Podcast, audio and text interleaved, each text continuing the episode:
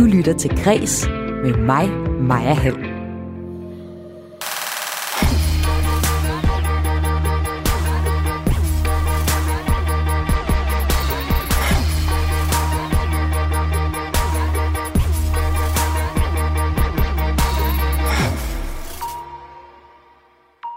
Justin Bieber kommer til Danmark. Opslagsværket Lex.dk lukker, og kunsten at give en god anbefaling. Det er de tre historier, et helt særligt panel har udvalgt som de fedeste og mest interessante kulturhistorier fra ugen, der gik. Og det er altså det, vi skal tale om den næste time her i dit daglige kulturprogram Kreds på Radio 4. Og øh, med i panelet, der sidder erhvervsdrivende med eget strikkefirma, Christine Slot. Jeg har stand-up-komiker Frederik Rosgaard med, og så har jeg professor i litteraturhistorie, Mads Rosendal Thomsen med i programmet. Mit navn, det er Maja Hall. Velkommen til Kres.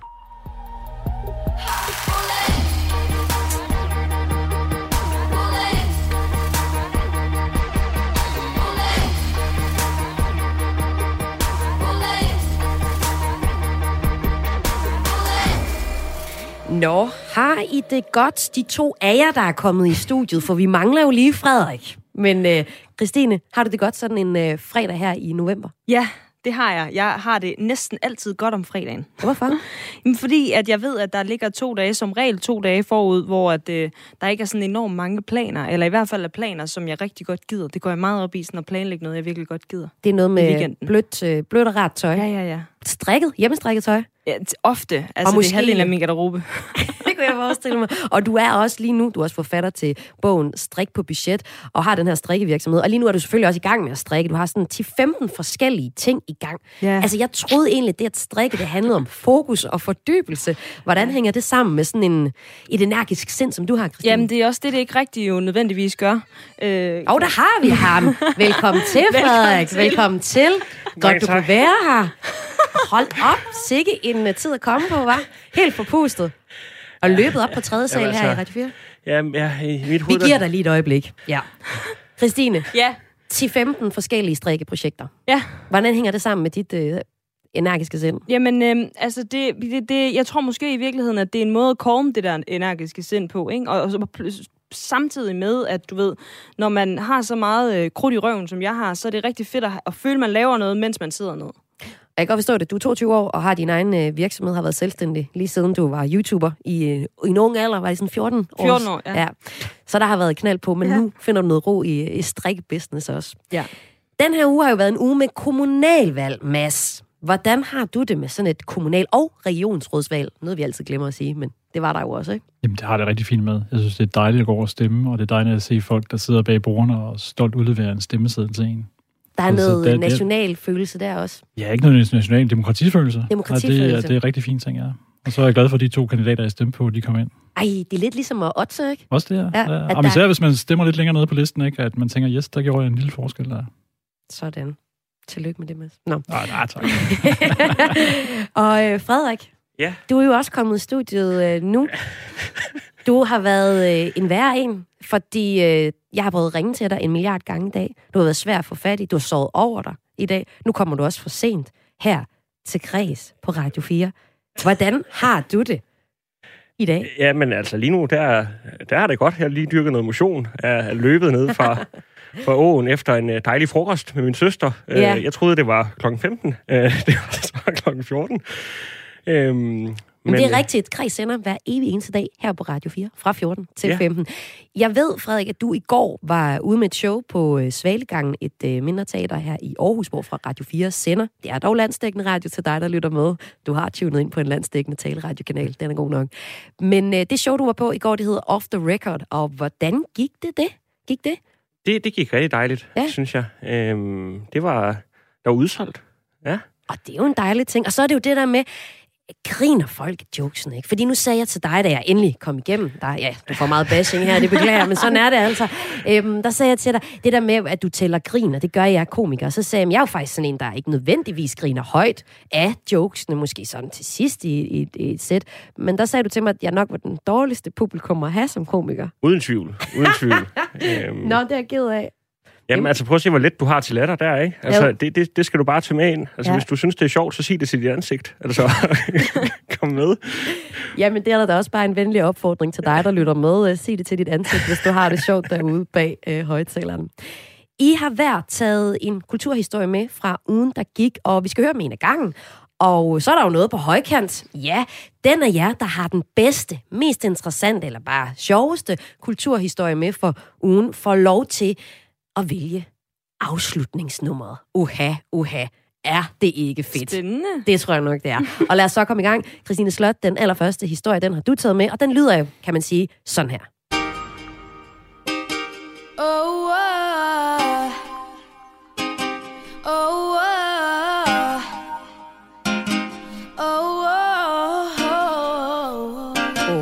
Han åger ham. Legendarisk nummer. Ja, Altså. Justin Bieber. Det uh, var her Justin Biebers helt store gennembrud fra 2010, sangen Baby. Og jeg spillede det, fordi i dag kl. 10, som I kunne høre her i uh, nyhederne, inden vi tog over her kreds, der blev uh, billetterne til Justin Bieber-koncerterne i 2023, altså ikke næste år, men om to år sat til salg, og nu er alle 30.000 billetter udsolgte. Det kan man nok godt forstå, når man kigger lidt på Justin Biebers karriere, fordi selvom han blev øh, kendt i en ung alder, så blev han i den grad kendt. Altså nummeret Baby, som vi hørte lidt af her til at starte med, det var en øh, musikvideo, der blev den mest set på YouTube nogensinde på det tidspunkt, og lige nu er der 2,6 milliarder, der har set den film. Christine, du og din familie er, man kan jo godt kalde jer beliebers, altså fans af Justin Bieber. Altså, jeg vil sige, det, det. Jeg vil ikke øh, skære alle over med en kamp. Min, min, mig og min søster er vild med ham. Øh, min kæreste øh, er vild med ham. Vi hører det meget derhjemme, og min mor er også, altså, hun er vild med det, vi er vild med, så hun kan også virkelig godt lide ham. Øh, jeg tror bare, jeg synes, du ved, jeg var ikke den der sådan øh, plakatfan, eller sådan, da jeg var, det var jeg egentlig ikke rigtig af nogen, da jeg sådan var ung teenager. Det er mere efter, han er blevet ældre, eller sådan, jeg synes bare, han gør nogle fede ting, jeg synes, det er, og, og så synes jeg også, at det, han nogle gange gør lidt for meget, eller sådan, øh, Hvordan det? Jamen, det ved jeg ikke. Jeg ved ikke, hvorfor. Men sådan, altså, han har 82 fucking millioner monthly listeners på Spotify, var jeg inde og kigge på. Så på den måde gør det jo ikke nogen forskel, at jeg sådan bekymrer mig om ham. Vel? men, men jeg mener bare, sådan, du ved, det der med sådan, han har haft det virkelig nederen. Og sådan, nu er han ude med en world tour, som kommer til at tage to år. Øh, hvor han skal være rundt om. Jeg vil gerne have, at han får et barn og sådan noget shit snart, ikke? Ja, det passer altså- ikke ind i en turbus. Justin Bieber er jo historien om øh, en ung fyr, der bliver kendt på YouTube ved at lave nogle øh, Ja. videoer, han lægger op der, og øh, får en stormkarriere, ender også ud i noget med råderi med politiet. Og nu er han så ligesom tilbage igen, og det er jo så det her resultatet er af. Altså tirsdag så blev det offentliggjort, at den her, han er fra Canada, kanadiske popsanger Justin Bieber, at han både har to koncerter i Royal Arena i 2023, men også kommer til Skanderborg Festival øh, næste år. Men lad mig lige høre allerførst, hvad tænkte du, da nyheden kom frem, Christine? Øhm, altså, jeg var sådan, hey fedt, han skal på World Tour, hvis han magter det, klart. Men jeg synes, det er for vildt, han kommer på Smukfest. Hvorfor? Øh, fordi at, du ved, umuligt, at alle de der folk, der gerne vil se det, kan være foran bøgescenen. Det bliver et kæmpe kaos, tror jeg virkelig. Ja. Altså sådan de få gange, jeg har... Jeg så, jeg tror, det var Kendrick Lamar for nogle år siden. Mm. Nærmest sidste gang, der var Smukfest, tror jeg. Øhm, 2018 spillede han. Ja, Ja. Og, og du ved, øh, det var jo sådan, altså han er jo, han er jo, han er jo mega fed, men folk kender Humble, og det, det er sådan, det er sådan den almindelige, føler jeg, sådan fanskare kender, eller ikke fanskare kender, men der var proppet. Og der, altså, du ved, når der er det ved sådan en trap-kunstner på den måde, så tør jeg slet ikke tænke på, hvor mange der er, når altså, ham, der har lavet Baby, kommer. Eller Men de har jo rummet... Altså, Britney Spears var der også Det er i ikke 18. det samme. Nej, hvorfor er det ikke det? Det er ikke det samme, fordi jeg synes bare, han, han sådan, det er jo må- måske også fordi, at det er min, øh, hvad kan man sige, målgruppe, aldersgruppe. Altså, vi er jo ligesom, det er jo vores, øh, det er jo ligesom min, min mormors, tror jeg, var Elvis, eller hvad fanden ved jeg, og mine forældres var, det skal jeg kan ikke, jeg kan, det skal jeg ikke ud i at sige. Men den der måde sådan, øh, den der kæmpe, den der fan, øh, kultur, der er ham, omkring ham, er bare sådan så unik, synes jeg. Men, altså, men hvad sådan- siger I til det, Mads og Frederik? Er, I oppe at køre over det? Mads? Øh, Nu er I nej. levet lidt længere end mig. Nej. Øh, jamen, jamen, og, ja, altså, det, det er jo fint, jeg har ikke overhovedet noget mod det. Jeg kender mest Justin Bieber fra, han var med i et, uh, en basketballkamp i forbindelse med All-Star for nogle år siden, hvor han faktisk spillede vældig godt. Nå. Og så har jeg set... Uh, Han er sådan en, der er kaldt. Ja, og så har jeg set en roast med Justin Bieber, som egentlig synes jeg var nogle meget godt skruet sammen med jokes. Men, uh, Og hvad, hvad men respekt for 82 millioner umådelige downloads. Ja, det kan man ikke andet. For sygt, Mads. mand. Jamen, altså, det, det, altså, Justin Bieber betyder ingenting for mig overhovedet. Der er jo i hvert fald plads til to mere, kan du høre her, Ja. fordi hverken Ja. ja. Mads eller Frederik kommer. Men det er jo faktisk heller ikke sådan, at selvom at du er øh, fan, Christine, så skal du ikke til koncerterne? Selvom din søster, hun har skaffet billetter til jer Jamen, altså, hun, min øh, søster ringede til mig klokken, klokken 10.32, tror jeg, og var sådan, jeg har købt billetter til, til Justin Bieber-koncerten i Oslo, så jeg er sådan, okay, hvorfor det? Det er typisk min familie at gøre. Øh, så hun sådan, jamen, den var ud, de var udsolgt. Øh, der var kun nogen tilbage, der kostede 7.000 kroner eller et eller andet i Danmark. og da hun kom ind, øh, man er jo i kø, når man går ind på Ticketmaster, eller hvor nu de bliver taget til salg. Der var 10.000 mennesker foran hende i køen. Ja. altså, det er jo for sindssygt, og så halv 11 var de udsolgt, ikke? Så, så det der med sådan, han, altså, det er bare, og jeg tror på, det er ikke, kun, det er ikke længere kun teenagepiger. Altså, det er, jo, det er jo det. Det er også fordi, at dem, der fandme var fan af ham, dengang han var teenager, er på min eller nu, eller i hvert fald lidt ældre, ikke? Eller sådan, men jeg synes bare, han rammer bredt. Men, og, men, men du altså- skal ikke selv til koncerten, hvordan Nej, det skal jeg ikke. Men Det skal jeg ikke, fordi jeg kan ikke lide at være sammen med rigtig mange mennesker på en gang. altså, jeg synes, det bliver for voldsomt. Og, og, og sådan, øh, jeg kan ikke lade være med at forholde mig til alle de der andre mennesker, der er omkring mig, på en eller anden måde. Så på, så, så på den måde, så, så altså, er det bedst, at jeg ser den streamet eller et eller andet. Men jeg, det ved jeg ikke. Jeg synes bare, øh, og det kan jo lyde mærkeligt, når jeg sådan synes, ja, det er vildt og sådan noget. Men det er altså 30.000 mennesker på et sted, jeg kunne ikke forestille mig noget, der var værre. Jamen, jeg tror jeg godt, der er nogen, der kan sætte sig ind i, at det ikke lige er den store øh, drøm. Men du er altså glad for Justin Bieber. Det er jo noget musik, du faktisk sætter på derhjemme, mm. Sådan, og bare lytter. Absolut. Ja, det gør jeg. Og er det tekstuniverset, eller er det Ja, det er meget det. Altså sådan, jo, han synger også fint, men han synger poppet, og han synger, som man kunne få ret mange andre til at synge. Det er jo ikke, fordi hans vokal på den måde er sådan helt eksklusiv. Men jeg synes bare, at han skriver nogle virkelig fine ting. Hvad, hvad, Altså. hvad er den dybere mening med, med baby? Nå, absolut ingenting øh, med den. Den skrev han Nej. jo, da han var... Jeg tror ikke engang selv, han har skrevet den. Det har Osher eller en eller anden nok gjort. Men det er hans nyere musik, altså det nyeste album, Purpose, tror jeg nok, det hedder. Det, det er bare, der er bare rigtig meget sådan dybde i, synes jeg. Ægte, har du hørt det? Nej. Du Nej. nævner for eksempel en sang, som, øh, som du selv kan spejle dig i. Hvad er det for en? Jamen altså, der, er det, det, og prøv at, jeg har det super ambi med at sige, jeg kan spejle mig i øh, den her teenage-stjernes liv, eller sådan, du ved, det er slet ikke på den måde. Han synger bare nogle ting, som jeg synes er ret nice. Øh, den hedder, altså, og den er enormt ærlig. Det er en sang, der hedder Lonely, som, som er meget sådan stille og rolig. Første gang, jeg hørte den, der ballede jeg seriøst. Jeg græd helt vildt, for jeg var bare sådan, åh, Både fordi man bliver sådan, puha, jeg kan virkelig mærke, at det her det har været nedtur for dig, men også fordi, at jeg sådan, der havde jeg lige været øh, syg med, med, med stress og virkelig meget angst og depression, og sådan, det der med sådan, han er bare, ej, den er bare virkelig god, og han sætter meget ord på de der sådan, følelser af at føle sig ensom, selvom hele verden kigger på en. Det er ikke hele fucking verden, der kigger på mig, det er en, det er en, en målgruppe mellem, du ved, måske 14 og 20, da jeg sådan lavede mest YouTube eller sådan, ikke? Men sådan, jeg kan bare godt genkende de der, nogle af de der følelser, han snakker om. Dem havde jeg også, da jeg var 14 år gammel, eller sådan, ikke? Da jeg var sådan, hey, hvad sker der? Folk vil have billeder, og wow, ikke? Og nu skal jeg ikke gå i skole mere, bare lave det her. Altså sådan, og på den måde, så synes jeg bare, at han, er relaterbar. Det tror jeg, han er for mange, også selvom man ikke har haft sådan et lidt crazy liv. Altså, så tror jeg bare, han synger om nogle ting, som er enormt relaterbare. Ja, det er den ene del af ham, og den anden del af ham, det er bare et godt nummer, som det her for eksempel. I got my peaches out in Georgia. Oh yeah, shit. I get my weed from California. That's that shit. I took my chick up to the north, yeah. Badass bitch. I get my light right from the source, yeah. Yeah, that's it. Det var lige en lille smule af Peaches. Peaches. Den kan man ikke synes ikke er fed. Nej, det synes jeg heller ikke, man kan. Men det kan godt være, at panelet ikke kan. Men der kunne jeg så godt tænke mig at høre jer. Og nu gider vi ikke høre mere musik. Nu kan jeg godt tænke mig at høre jer fra jeres fagområde. Øhm, Mads, dit liv det er jo faktisk allerede peaked. Du har allerede oplevet den største litterat inden for dit område. Ja, det snakker vi kort om. Men altså, jeg interviewede Salman Rusty her i sommer. Og, og det synes jeg faktisk var, var en kæmpe stor oplevelse. Altså, det at have en samtale med ham, øh, og så fordi han også var enormt generøs og, og, og veltalende og så videre, ikke? og spillede med på alt, hvad jeg sendte mod ham. Ikke? Det, det var en stor ting. Og også det er en, som jeg begyndte at læse i 1988. øh, så, så, så, så, så at møde ham, øh, og stadigvæk på et tidspunkt, hvor kan man sige, han er aktiv, og han har lige skrevet nogle fantastiske essays, og en rigtig god roman og så videre. Altså, Salman Rushdie er nok mest kendt for at have skrevet øh, De Sataniske Vers. Mm. en øh, roman, der er der en scene, i den her roman, der er der en scene i, hvor ligesom, der jo faktisk bare bliver antydet, at nogle af versene i Koranen skulle være skrevet af Satan. Mm-hmm. Men den her, de her antydninger, det er nok til, at der er blevet øh, sendt, kan, hvad hedder sådan noget, udstedt, hedder det, en fatwa over Rusty og øh, hans øh, støtter med dødsdom for øh, Guds bespottelse. Og en fatwa, det beskrives, man kan sige, lidt som en, ja, en retskendelse mm. over ham. Men hvordan var det så at sidde over for Rusty? Det, altså, og det vil jo sige, det jo under stadigvæk efter coronaen, så det var altså over, det var over uh, Zoom med, med kæmpestor Rusty blæst op nede i, uh, på godsbanen. Jamen, jamen, det var rigtig Som fint. er sådan et kultursted her Ja, i præcis, ja, i Aarhus, Aarhus, ja, sender fra. undskyld, ja. Øh, jamen, det var rigtig fint, fordi altså, at, at, dels havde vi en hel masse at snakke om, øh, og, og dels var han meget, med sådan, altså jeg havde også fået at vide, at han faktisk var sød og afslappet. Mm. Øh, men så, og så samtidig sådan tænke tilbage på alle de ting, han har oplevet, ikke? og så ville han jo faktisk helst ikke tale om det politiske. Altså det er vi ligesom aftalt, at vi skulle ikke til at køre den historie en gang til, om fatvaner, hvad det betyder for ham. Han ville virkelig, virkelig gerne tale om litteraturen, og alt det, han har brugt jo øh, 50 år af sit liv på at, at skabe.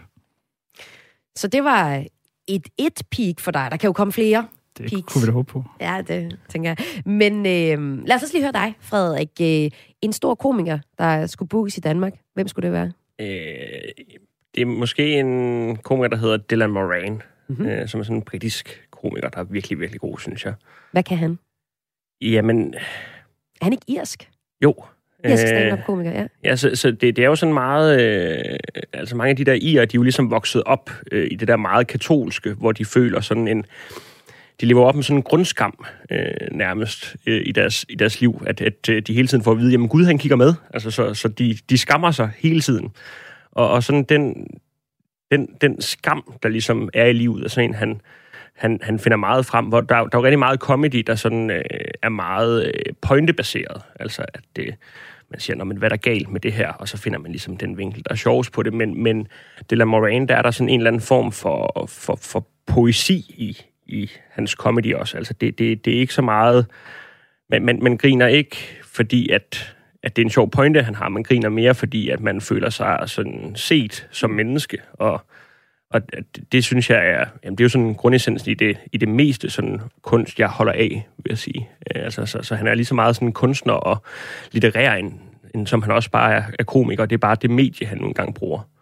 Og det, I tre kom med her, det var jo faktisk tre anbefalinger, og det er jo også et emne, vi skal tale om lidt senere i programmet. Det er en historie, som du har med, Frederik, for der har nemlig været en uh, kulturklub i den her uge, der har uh, opfordret til, at vi laver flere anbefalinger, men det er sådan noget, du går og bøvler en lille smule med. Og nu når vi har en uh, tidligere og også nuværende influencer, Christine, med, Jeg laver ikke andet end at anbefale folk ting. Jamen lige præcis, så skal vi selvfølgelig have en guide til, hvordan vi bedst muligt anbefaler ting. Men før vi kommer til det, så skal vi tale om en portal, der hedder Lex.dk. Du lytter til Græs med mig, Maja Hall. Og med mig i studiet har jeg Frederik Rosgaard, jeg har Christine Slot og Mads Rosendal Thomsen. Og I er panelet her i dag på Græs på Radio 4. Det er de daglige kulturprogrammer her. Om fredagen, der vender jeg ugen, der gik i kulturen med et panel. I har været en kulturhistorie med, og vi hører dem en af gangen. Og sidst så kår vi den mest interessante historie fra kulturen, der gik. Og Mads, nu er vi kommet til din historie, der handler om Lex.dk. Og inden folk de får øh, nogle frække tanker, så kan jeg sige, at det er en online portal til danske opslagsværker. For eksempel så er der sådan noget som den store danske, der er artikler derfra, man kan slå op og finde. Det, det helt specielle ved Lex.dk, det er, at de her artikler, de er skrevet af eksperter, som så er blevet fagfældebedømt. Det betyder, at der er andre eksperter, der har læst dem. Så det er altså ikke bare mig, der skriver et eller andet, og så bliver det øh, liket, og så ligger det derinde. Det, der er med Lex.dk, det er, at portalen står til at lukke i 2022, hvis ikke der bliver afsat midler i finansloven. Og det betyder for eksempel, at de 800 millioner kroner, skriver politikken, der er investeret i projektet i øjeblikket, reelt ender i skraldespanden. Men altså mindre regeringen og støttepartierne finder en økonomisk redningskrans til Lex.dk i finanslovsforhandlingernes sidste etape. Mads, vi har jo Wikipedia. Hvorfor synes du, at Lex.dk er interessant? Ja, ja, altså, jeg tænkte jo, det er jo en konkurrence med at tage det mest sexede emne, jeg overhovedet kunne, kunne Ja, finde. ja, klar. øh, så, så, nej, jeg, jeg synes, den er interessant, fordi den, den, den afspejler utro, samler utrolig mange ting omkring vores tid. Ikke? For det første kan man sige, at det er jo faktisk næsten en ikke-nyhed. Ikke? Altså, der er skrevet om det, ikke? men de er også selv en rykke annoncer fra Lex.dk for at gøre opmærksom på, altså nu er det ved at være op over, hvis man skal redde det her. Ikke? Og hele det arbejde, der blev gjort øh, op gennem 90'erne med at lave en, en moderne dansk encyklopædi. Øh, det er jo interessant, fordi vil sige, dels for, i forhold til medieudvikling, ikke? Altså, altså hvor, hvor, hvor stærkt det er gået. Altså, da det, det, man lavede encyklopædien i 90'erne, så på et tidspunkt kom CD-ROM, som man så lovede, at øh, man ville ikke sælge CD-ROM på noget, der var billigere end det, som man solgte øh, øh, leksikadet for. Ikke? Og så pludselig blev hele overtaget jo internettet. Ikke? Og så, som du nævner i Wikipedia, som så jo er, er brugerredigeret, ikke? Og jo i mange undersøgelser, øh, i hvert fald den engelske, når man holder den op mod øh, Encyclopedia Britannica, faktisk egentlig ikke har mange flere fejl, ikke? Og har jo e-, enormt større øh, rækkevidde. Men, men det, jeg, synes, det er virkelig, jeg synes, det er virkelig spændende i forhold til, kan man sige, ikke? Altså, altså hvem har interesse i det? Ikke? Hvorfor øh, øh, øh, synes man, det er vigtigt at, at, at bevare, og hvad er betingelserne for at kunne bevare noget? Fordi det er jo også dyrt at skulle køre tingene videre, ikke? hvis man kan sige, kan overlade det til, at, at, at folk faktisk kan redigere til rigtig mange ting selv også. Ja, fordi der jo ligesom er den her store øh, tjeneste, som rigtig mm. mange bruger. Nu kunne jeg for eksempel før korrigere dig, Frederik, og sige, jamen Dylan Moran, han er en irsk stand-up-komiker. Det er noget, jeg har fundet på den danske Wikipedia-side. Og der er der garanteret nogle kildehenvisninger til det, men det har jeg faktisk helt ærligt ikke tjekket op på. Og det vil, man, det vil nogen sige, det var problematisk, fordi så kan det være, at jeg har videregivet information, der er forkert. Og et stort emne i samtiden, jamen det er jo misinformation. Mm. Og øh, her tidligere på ugen i mandags, der kom et øh, nyt stort øh, studie, hvor øh, forskere fra Roskilde Universitet havde set på konspirationsteorier, der havde floreret under corona. De kunne så sige, at øh, konspirationsteorier i Danmark, det er egentlig ikke en stor ting, men misinformation er rigtig, rigtig stort. Så inden vi snakker videre om historien med, så kunne jeg egentlig godt lige tænke mig at høre panelet. Er det noget, I tænker over, det her med at øh, videreformidle, videreformidle den rigtige information? Jeg kunne godt tænke mig at starte med at høre med dig, Frederik. Du laver jo jokes, og der øh, kommer man jo også med noget fakta. Har I hørt, at 80 procent gør sådan og sådan? Og så kommer der en historie efter det. Hvor meget fakta tjekker du egentlig? Ærligt? Jo, ja, overhovedet ikke. Altså for mig, så, øh, så det eneste vigtige, det er bare, om folk øh, de, de tror på det, jeg siger sandt, at det ikke lyder skørt. Lyder skørt. Altså jeg lyver sjældent, men Altså, det, det er ikke noget, jeg bruger tid på sådan at tjekke op på overhovedet. Altså, det er jo mere, om folk synes, det er sjovt, eller jeg har ikke nogen politisk agenda. Men man behøver vel ikke at have en politisk agenda. Det er vel også noget med at, øh, at videreformidle noget, der er, er rigtigt. Fordi der er jo for eksempel øh, der er jo ting, vi er blevet enige om, uden at det nødvendigvis er rigtigt, fordi det er blevet gentaget mange gange. Ja, det, det er rigtigt, men hvis du sådan jeg vil sige, det er ikke mit... Så noget for eksempel som, at der findes en jomfruhinde, og den kan springes. Det er ikke rigtigt. Er det rigtigt? Det er ikke rigtigt. Og det ved jeg, fordi jeg har videnskabsjournalister tidligere, inden jeg arbejdede her på, på Radio 4. Og, øh, og det er jo, ja, det er nogle historier, man kan break den en gang om året, og ja. folk svarer præcis, som du siger der. Men det er jo fordi, vi videreformidler information, uden øh, at, det, at vi altid har tjekket op på det. Og nu står jeg også og lyder som meget klog en, men jeg bruger jo altså også Wikipedia. Jo, men, men, men det er jo Altså, jeg tror bare, det er fordi, jeg tænker, at det, det er ikke øh, mit arbejde at, at faktisk tjekke alt fuldstændig. Øh, jeg, jeg vil sige, hvis du, du, du henter din, din viden ud fra comedy shows, du ser, så skal du måske bare lade være med at mene noget som helst, for det, det kan godt blive rigtig, rigtig farligt. Det er jo også en pointe. Hvad siger du, øh, Christine Slot? Er det noget, du tænker over, når du øh, skriver ud til så mange folk, som der jo følger dig? Ja, men jeg tænker også rigtig meget over, ikke, og, altså, det er virkelig tit en overvejelse, man skal gøre sig i forhold til, øhm, altså, hvilke debatter man sådan deltager i. Øh, før i tiden har jeg, har jeg gjort det rigtig meget, da jeg var på YouTube. Der, der kunne jeg rigtig godt lide øh, at mene noget om alt muligt. Det kan jeg stadigvæk rigtig godt lide. Øh, men det kræver ligesom, at man har en... Best- altså netop som du siger, det der med, at faktaen er i orden, og, og, og i, i meget af min tid som sådan produktionsenhed, hvis man kan sige det sådan på YouTube, der var jeg, var jeg den, der både skulle klippe og øh, undersøge, om tingene og factsene var rigtige, og du ved sådan, så på den måde, så, så øh, altså, ved jeg, hvor stort øh, et arbejde det ligesom er, så jeg tænker også meget over, hvilke områder jeg ligesom bevæger mig ud på, og, og forsøger så vidt muligt ikke at bevæge mig ud på noget, jeg ikke ved øh, nok om. Og Mads, hvad tænker du om de her to pointer, vi har fået frem i forhold til, altså du er jo litteraturprofessor og arbejder jo i den grad med fakta. Mm-hmm. Ja, øh, men altså, det lyder jo som om, at I et eller andet sted har et, et reflekteret ansvarsbevidst forhold til øh, ideen om, hvordan man øh, arbejder med, med information. Øh, og, og det man kan sige, det er jo, det er jo, det er jo ikke uskyldigt længere. Altså det ser vi jo her med, med covid-krisen, øh, hvor, hvor meget at misinformation rent faktisk kan være i stand til at påvirke ting. Øh, at øh, folk, der til synes også synes jeg, virker som om, at man har nærmest en følelse af sådan af empowerment over at sprede information, som måske er i modstrid med det, som øh, det officielle retningslinjer giver. Ikke? Altså, altså alt med anti-wax og det ene og det andet bliver jo livsfarligt for folk, hvis man ikke har øh, kvalificeret grundlag. Og, og det kan man sige, en ting er, at folk skal have lov til at have deres egen holdning, men det man så måske bevidst er med til at sprede information, som faktisk er, er, er fejlagtigt, det, det er jo et kæmpe problem. Og hvad, altså så vil jo nogen så sige, at, at lige præcis Lex.dk, de kunne hjælpe på den måde. Det er i høj grad en uh, undervisningsportal, mm-hmm. uh, i hvert fald mange fra undervisningssektoren, der bruger Lex.dk. Um, portalen har 1,2 millioner brugere om måneden, men uh, her i sommermåneden, så var der klart færre, der brugte den, kunne man mm-hmm. se. Og det er jo nok, fordi det er uh, ja, studerende, der ja. Ja. bruger det. Og øhm, at formanden for Lex.dk's bestyrelse, Joachim Malling, han siger selv, at det er vigtigt for os, at al den viden, man kan finde på Lex.dk, har danske forskere taget stilling til og vurderet, at er den bedste viden, vi har, især i en tid, hvor vi er udfordret af fake news og misinformation. Så han understreger det er jo så også, men man kan jo så også stille spørgsmålet, er Lex.dk det rigtige sted? For det Han er nok også lidt uddateret, hvis der ikke rigtig er nogen af os her i studiet, og sådan egentlig bruger det. Altså, det, det er det jo, fordi det, kan man sige, det er et dyrt projekt, hvis man skulle blive ved med at fastholde den kvalitet, som der blev lagt i i det oprindelige projekt. Og så kan man sige, førhen, der var vi jo ikke ked af, at man havde lavet med en leksikon, der stod på regionen, og så var det, hvad det var. Det var blevet trygt, og, og så blev det altså ikke opdateret, øh, så ofte i hvert fald ikke. Og der er vi jo blevet vendet til, at vi har behov for ny viden, som er, er, er tjekket igennem.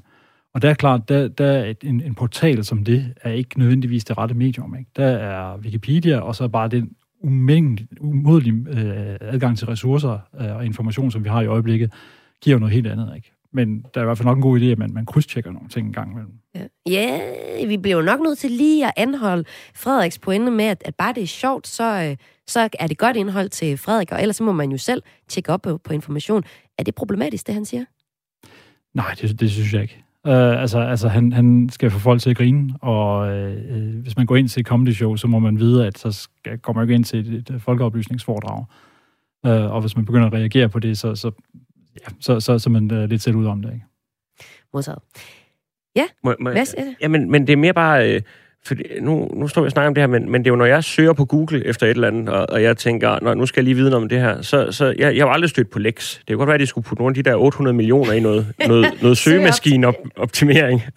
fordi at, jeg, jeg, jeg, jeg ser det jo aldrig, når jeg googler efter noget. Mm-mm.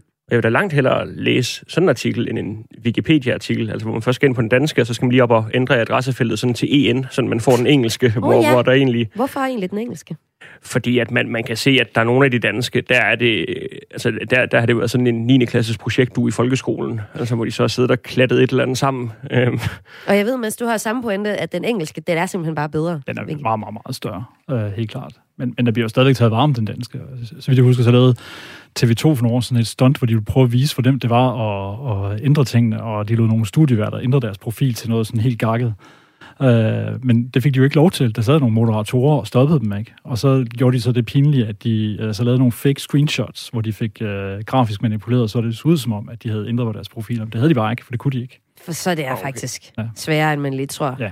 Men jeg kan også huske, i min folkeskole, der måtte man ikke bruge øh, Wikipedia. Jeg er fra 1990. Mm. Det må man nok godt lidt mere nu end tidligere, tror jeg. Det tror jeg også. Altså fra felt til felt øh, forandrer sig, ikke? Altså min søn, der læser matematik, har jeg faktisk fået at vide, at de ting, der står på Wikipedia omkring mange af de matematiske emner, at de faktisk er så høj kvalitet, og det kan man godt bruge. Så er i hvert fald en pointe der. Det var de første to emner her i øh, Kreses fredagspanel, dit daglige kulturprogram her på Radio 4, hvor vi om fredagen vender ugen, der gik i kulturen. Og øh, panelet her består af stand-up-komiker Frederik Rosgaard. Jeg har iværksætter i firmaet Jarn Junkies. Fedt navn, Christine Slot. og professor i litteraturhistorie, Mads Rosendal Thomsen. Og øh, den sidste historie, vi skal høre om, den præsenterer du, Frederik Rosgaard. Den øh, handler om, at øh, ingen lytter til dine anbefalinger, og det er det, vi skal handle om nu. Egentlig så tager den udgangspunkt i øh, en historie, som du synes var rigtig interessant for ugen. Det er en kulturkommentar fra Berlinskes Søren Jacobsen Dam. Han er litteraturredaktør og anmelder på avisen, og øh, han skriver noget, som, og nu præsenterer jeg det lige, han skriver noget, som du også må kende, Mads. Han skriver, næsten alle litteraturelskere lider af en konstant understrøm af FOMO, altså Fear of Missing Out. Og han mener så, at øh, man med en vis rimelighed kan sige, at en rutineret læser i gennemsnit højst kan læse cirka en bog om ugen i godt 60 år. Og det vil sige cirka 3.100 bøger. Til sammenligning ejer verdens største bibliotek i Washington D.C. over 39 millioner forskellige regulære bøger. Faktum er, siger han så, at i løbet af et typisk menneskeliv vil evnen til at læse, øh, vil evnen til at læse mindre end 0,01 procent af de publicerede bøger, vi kender. Så der er god grund til at være selektiv med sit læsestof, og så siger han, vi skal huske at anbefale hinanden noget mere. Hvorfor synes du, den historie var interessant, Frederik? Ja, men, men, men for, altså, for, for det første er der noget, der bliver, bliver vækket i mig i forhold til, øh, at, at, øh, at den der følelse af, at, at jeg bliver 30 om, om 10 dage, den der følelse af, at man ikke når det, det hele, altså at det, det, det er lige gået op for mig, altså sådan inden for de sidste to år, at øh, når jeg sidder og ser fodbold, jamen altså, jeg er jo ældre end alle fodboldspillerne, så bliver jeg nok ikke professionel fodboldspiller længere. Og det, det, det er sådan...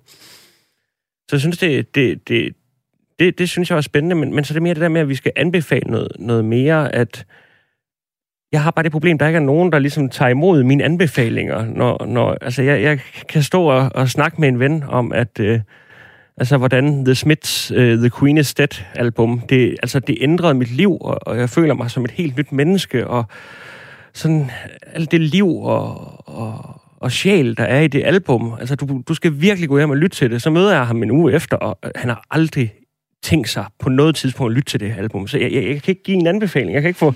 Jeg er en, der sådan tager imod anbefalinger, men ikke rigtig får lov at give dem, føler jeg. Gør du Det- selv? Så bruger du så de anbefalinger, du får? Ja, det gør jeg faktisk. Det gør jeg. Også når det er et album med, med, med nogen, som... Med, altså, jeg, Jeg, ikke jeg, jeg, jeg, jeg kan godt mærke, hvor du er på vej hen nu. Ja, men, men, men jeg tænker bare, altså sådan, altså gør du det? øh, Hvis folk siger, du skal se, øh, øh, du ved, der er der mange, der har sagt til mig, at jeg skal se Game of Thrones, men fuck man, er der ikke ni sæsoner eller et eller andet? Det er altså ikke bare lige... Jo, men, men, men jeg... Øh, det, det, det bunder nok i, at jeg tager imod anbefalinger fra, fra de venner, jeg har, jeg respekterer. Øh, og når der så er nogen, der, der ikke tager der, der overhovedet ikke er nogen, der tager imod en egen anbefaling, så tænker jeg, jamen, så er det jo fedt, der ikke er et eneste menneske i verden, der respekterer mig. Nej. ja, jeg kan godt se, hvad Jeg vil bare gerne have noget respekt. Ja. Altså, det, er- Mm. Men, og det er ikke bare én dårlig ven, du har. nej, nej. Jeg, jeg, jeg vil ikke sige, at det er ikke en dårlig ven. Jeg har, jeg har en god ven, og så har jeg alle de andre, der, der ikke lytter til mig. Mads, som øh, litteraturprofessor, der har du skrevet øh, bogen 100 højdepunkter i Ah, dansk. 50. Nå, 50? Okay. 50 højdepunkter i dansk litteratur. Nej. Nej. I, i verdenslitteratur. I verdenslitteratur. Ja, okay. Faktatjekket. Det havde jeg ikke fået gjort. Men Mads, øh, øh, kender du til det her med at lave anbefalinger, som folk ikke lytter til? Altså, nu laver jeg jo pensumlister, så skal de jo læse det, de studerende. Så Ja. det er jo en, en god ting. Eller skal og skal? Ej, ej, vi snakker også om, hvad, hvad, det er faktisk ret interessant at snakke med de studerende om, hvad, hvad der giver mening for dem, og hvordan det hænger sammen. Ja, ja altså, det, man anbefaler jo hele tiden, ikke? Altså, i, både personligt, men også i høj grad professionelt, ikke? fordi vi øh, udveksler med kollegaer og giver, prøver at give idéer til, hvad kunne forbedre din forskning, hvad kunne gøre noget for den artikel.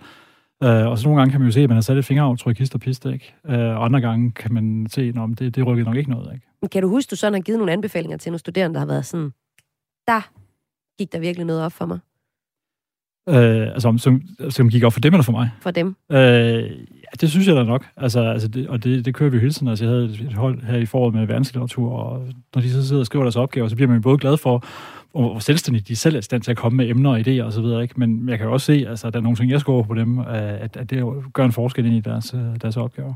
Men du har selvfølgelig også en væsentlig pointe der i forhold til, at du er øh, ligesom underviser, og i den kvæg det, så laver du pensumlister, og det betyder selvfølgelig også, at man på en eller anden måde skal læse. Ja, ja, altså, det, det var en joke, ikke? Altså, men, men jo, jo, det, det gør det jo ikke. Altså, men, men nej, men der er hele tiden øh, nysgerrig på, altså, hvad, hvad er det, der, der, der rører folk, ikke?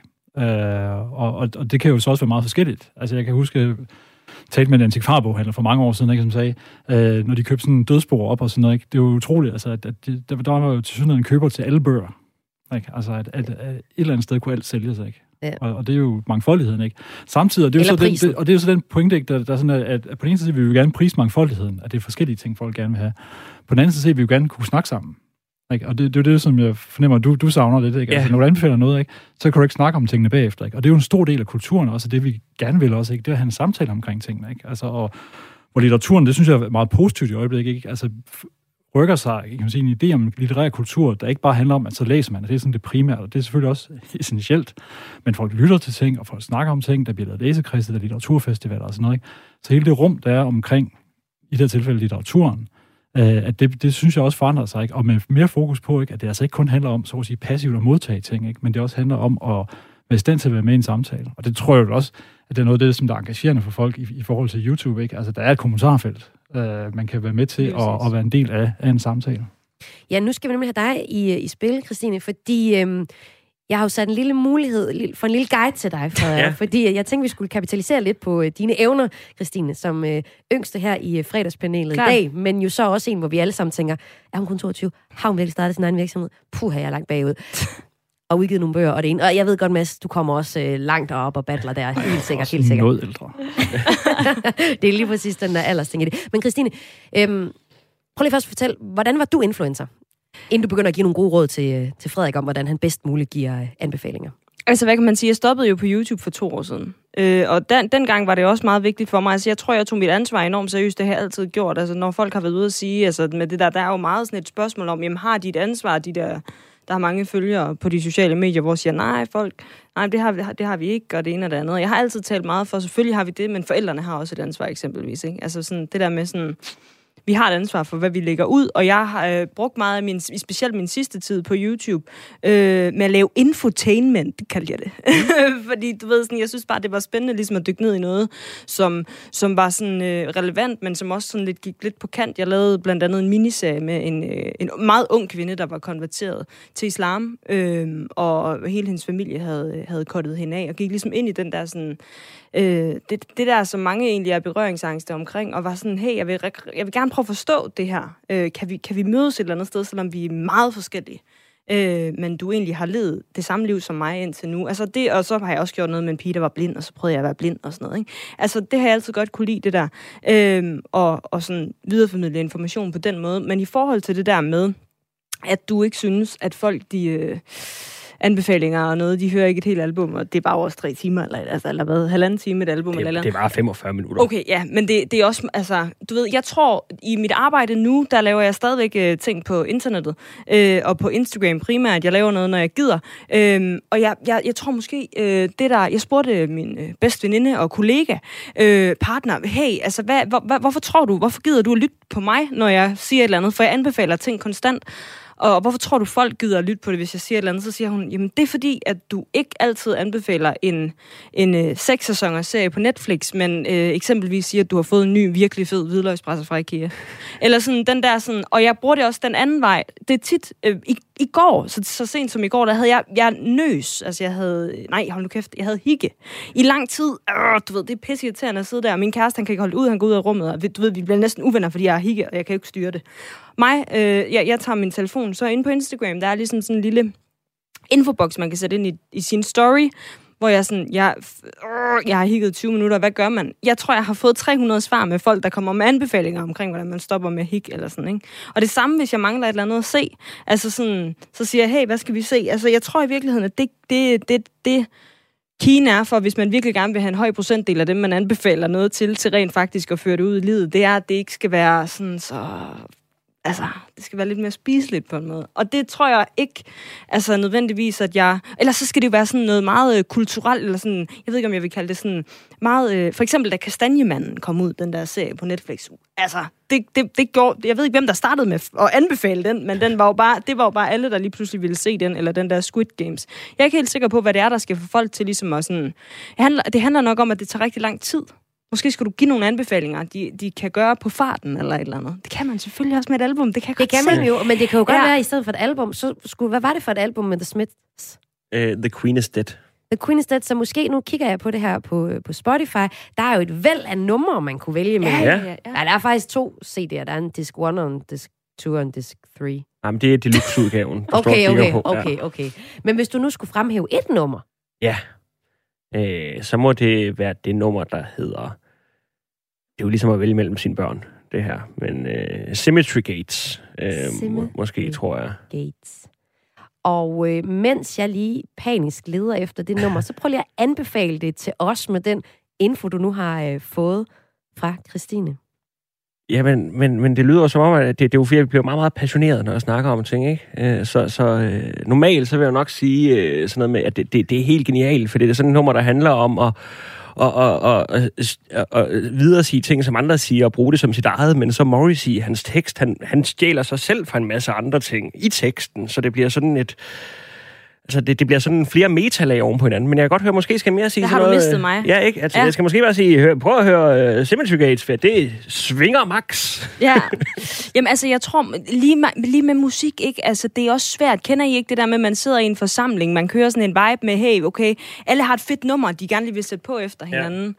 Øh, og når man så sådan er sådan, hey, øh, det her nummer, det skal I høre, det er mega fedt. Jeg har det for eksempel med, med du ved, Alex Vargas' øh, optræden, det der toppen af poppen. Jeg er på toppen over ham lige nu, fordi jeg har set ham der. Jeg synes, de der numre er mega fede. Så besøgte, jeg, besøgte vi et vennepar, jeg var sådan her, den her sang, den, vi skal høre den, fordi de, det er et vennepar, der er på min forældres alder, jeg har. Som jeg sådan, vi spiser, vi spiser, og de spiller alt muligt musik, jeg ikke kender. Øh, og vi er sådan, øh, du ved mig min kæreste, som er på min alder, sidder og tænker, "Vi- de skal høre det her. Det der med, sådan, nu kommer det på, man sidder sådan diskret og, bliver ved med at skrue lidt op.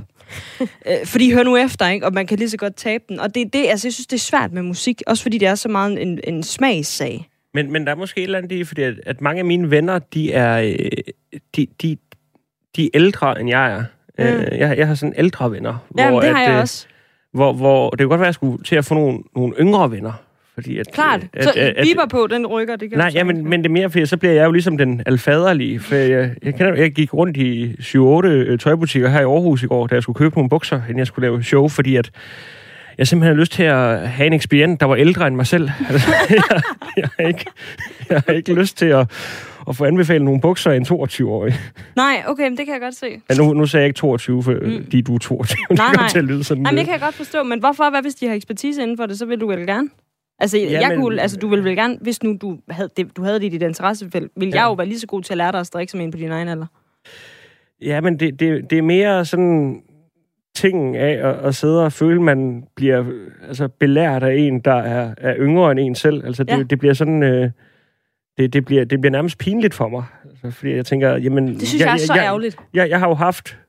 Altså, det der med, hvis jeg nogensinde skulle have haft en interesse, interesse i at strikke, ikke? Mm. Så vil jeg tænke, "Nå, men jeg, jeg er otte år ældre end dig. Altså, så, så må jeg jo... Altså, så, så burde jeg være bedre. Det, ej, jeg synes, Det- det er så ærgerligt, fordi du ved, jeg oplever den der øh, problematik virkelig tit. Jeg er jo meget, øh, hvad kan man sige, ung i erhvervslivet.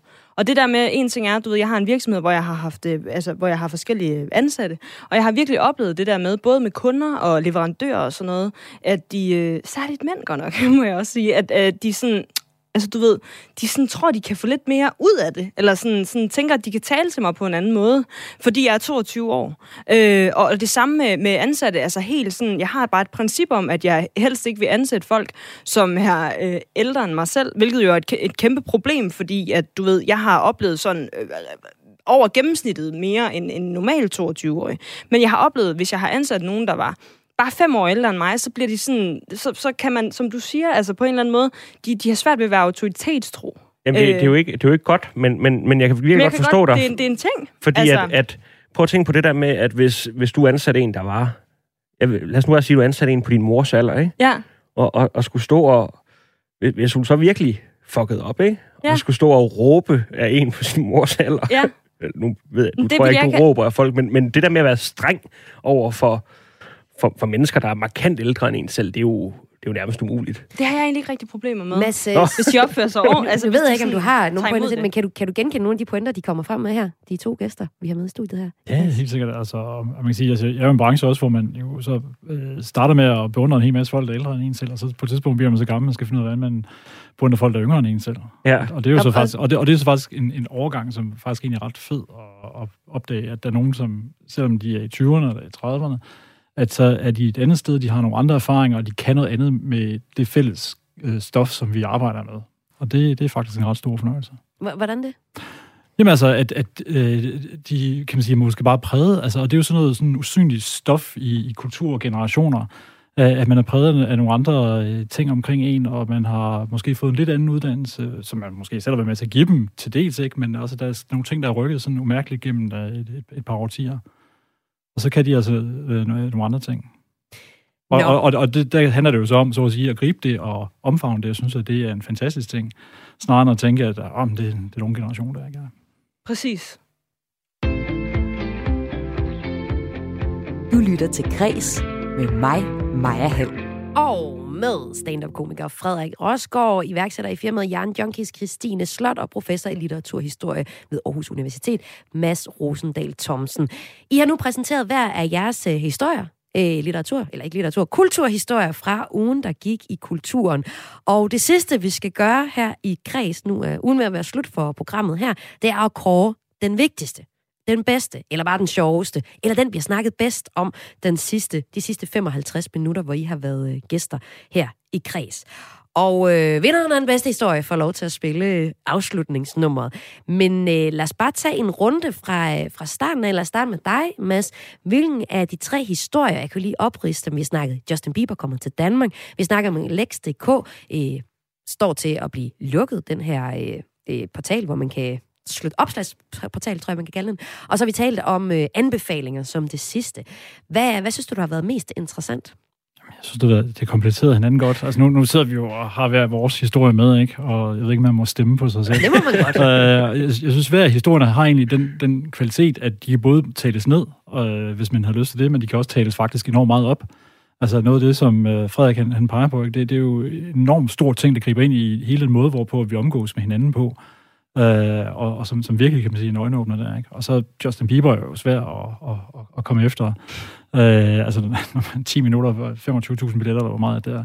Øh, og samtidig også, kan man sige, de, de klip, du spiller, ikke, får også en til at tænke over, ikke? Hmm, er, der, er der et eller andet her? Og den måde, du taler om, om også hans lyrik på, synes jeg er ret fascinerende. Du skal måske lige have lidt Justin Bieber i weekenden. Øh, det får vi se. Nu må vi se. Jeg skal køre en uh, flok basketballdrenge til Sjælland her i morgen, så, så må vi se, om de uh, har nogle, nogle ønsker. Kan du ikke bare gøre mig glad, og så tage Symmetry Gate i stedet for? Altså, det, jeg, jeg kan ikke overskue, at du bliver kæmpe Justin Bieber. Tag Symmetry Gate først. Ja. Det svinger. Det svinger. Det er det, jeg har lært. Den, den får også en chance, helt sikkert.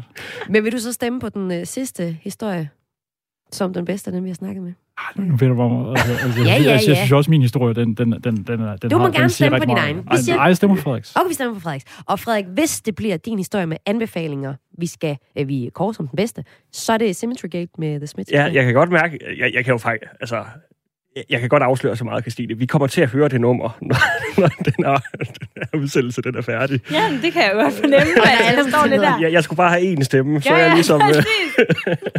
Nu er der jo faktisk en, der har taget din anbefaling til sig, ja. tror jeg måske. Øhm, hvad siger du, Christine? Hvilke af de her tre historier synes du har været mest interessant at tale med panelet om? Jamen, du får også min stemme, Frederik. Ej, tak skal du Ja, have. det gør du. Jeg synes, øh, det startede en virkelig fed samtale. Øhm, og det kan jeg egentlig mærke, det rører egentlig ret meget i mig, det der, mere end jeg måske lige havde tænkt i forhold til, specielt i forhold til det der, det der vi kom ind med, med at jeg synes, øh, at der, der er lidt i forhold til det der med at blive inspireret af folk, der er yngre end en selv også. Ja, så du får min stemme. Jeg er meget spændt på det nummer, der har kæft, Ja. jeg har høje forventninger. Jamen, vi skal høre det, vi skal høre det lige om lidt. Og øh, Frederik, vil du stemme på en af de andre? Eller? Men altså, jeg, jeg, jeg, Nu kan du godt ja, sympatistemme. men jeg, jeg, jeg vil jo faktisk gerne altså, dele min stemme i to, tror jeg faktisk. Ej, altså, nej, som- nej, nej. Stop, stop, stop, stop, stop. Nå, men det vi kan sige, det er øh, ugens kulturnyhed. Det blev en øh, klumme i Berlingske, der egentlig handlede om, at øh, vi skal huske at øh, anbefale noget mere til hinanden.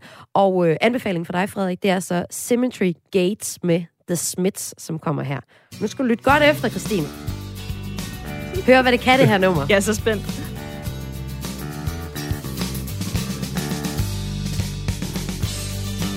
Sunny days, so I'll meet you at the cemetery gates. Keats and Yates are on your side. I dreaded sunny days, so I'll meet you at the cemetery gates. Keats and Yates are on your side. Wild, wild is on mine. So we go inside and we gravely read the stones. All those people, all those lives, where are they now? With the loves and hates and passions just like mine. They were born and then they lived and then they died. Seems so unfair, I want to cry. You say a thrice was undone salutation to the dawn. And you claim these words as your own. But I've read well and I've heard them said a hundred times, maybe less, maybe more. If you must write prose and poems, the words you use should be your own. Don't plagiarize or take on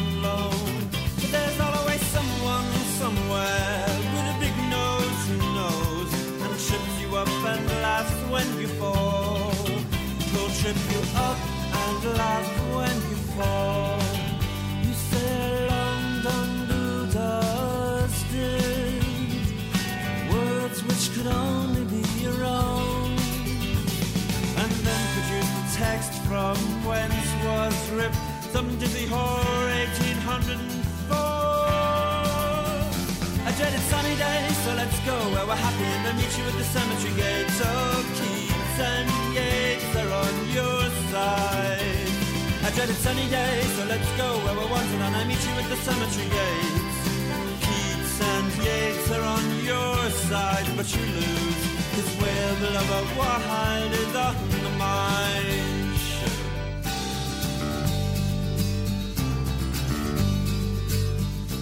The Smiths med Cemetery Gates. Var det fedt at høre? Sådan i radioen. Ja, det var rigtig godt. Ja, det var godt. Det var rigtig godt. Og så er det jo spændende at høre dig, Christine. Hvad siger du til det her nummer? Det er ikke lige min smag. øhm, eller sådan, jo, måske, det ved jeg ikke. Jeg synes, det mindede mig lidt om sådan, du ved, sådan helt øhm, dejlig øh, komedie, romantisk komedie. Det kunne godt være sådan en afslutningsnummer, du ved. Nu har de fundet hinanden igen, og sådan lidt den vibe. Hvilket er Ja. meget cute. Det vil jeg ved med, det også har været. Ja, det kunne det sagtens være. Hvad siger du til, til det her nummer egentlig, Mads? Jeg er glad for, at jeg har hørt det, men jeg er ikke, jeg er ikke fan fra nu af. så Men altså, det er jo også nogle gange det, øh, Frederik, når man øh, anbefaler noget, så kan det jo godt være, at folk også kommer og siger, det var da en lortesang. Ja, Er du klar til det? Er du klar til at gå ud i verden med det også? Nu kommer du til, hver eneste gang, du anbefaler noget til dine venner fra nu af, så kommer de jo til at tage det til sig. ja.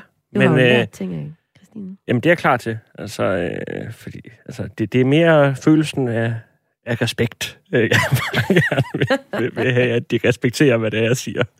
Så er der nogle fine anbefalinger i uh, sangen til Keats og Yates, to uh, fremragende kanoniske uh, engelske og irske uh, digtere. Lige præcis. Ja, ja. Så der var faktisk Så- lidt mere i det også Ja, der. ja. Men jeg tænkte faktisk, fordi nu har vi jo spillet noget Justin Bieber i programmet her, et nummer, som du ellers også gerne vil have spillet. Hvis det var din, din, øh, dit emne, som jeg havde vundet, så skulle vi have hørt Too Much med Justin Bieber. Vi har allerede hørt lidt på Justin Bieber. Nu har vi også hørt uh, The Smiths. Så jeg tænkte faktisk lige at bruge de sidste par numre på at høre Summer in the City med Quincy Jones, som var dit nummer, du gerne vil høre, Mads. Ja, jeg tænkte, det var sådan et godt crossover af forskellige ting. Både noget genkendeligt med lidt en anden ting, og Quincy Jones, der både har produceret pop og jazz og lidt af hvert. Men det bliver de sidste toner i fredagspanelet i dag her på Radio 4, hvor jeg altså havde besøg af stand-up-komiker Frederik Rosgaard, strikke iværksætter Christine Slot og professor i litteraturhistorie Mads Rosendal Thomsen. Tusind tak, fordi I var med her i Kreds på Radio Tak 4. for det. Selv tak. Og rigtig god weekend til alle jer, der lyttede med. Det, er Det her det er bare masser mere The Smiths. Det skider vi. sætter Quincy Jones på. Det kommer der. Sådan der. Summer in the City.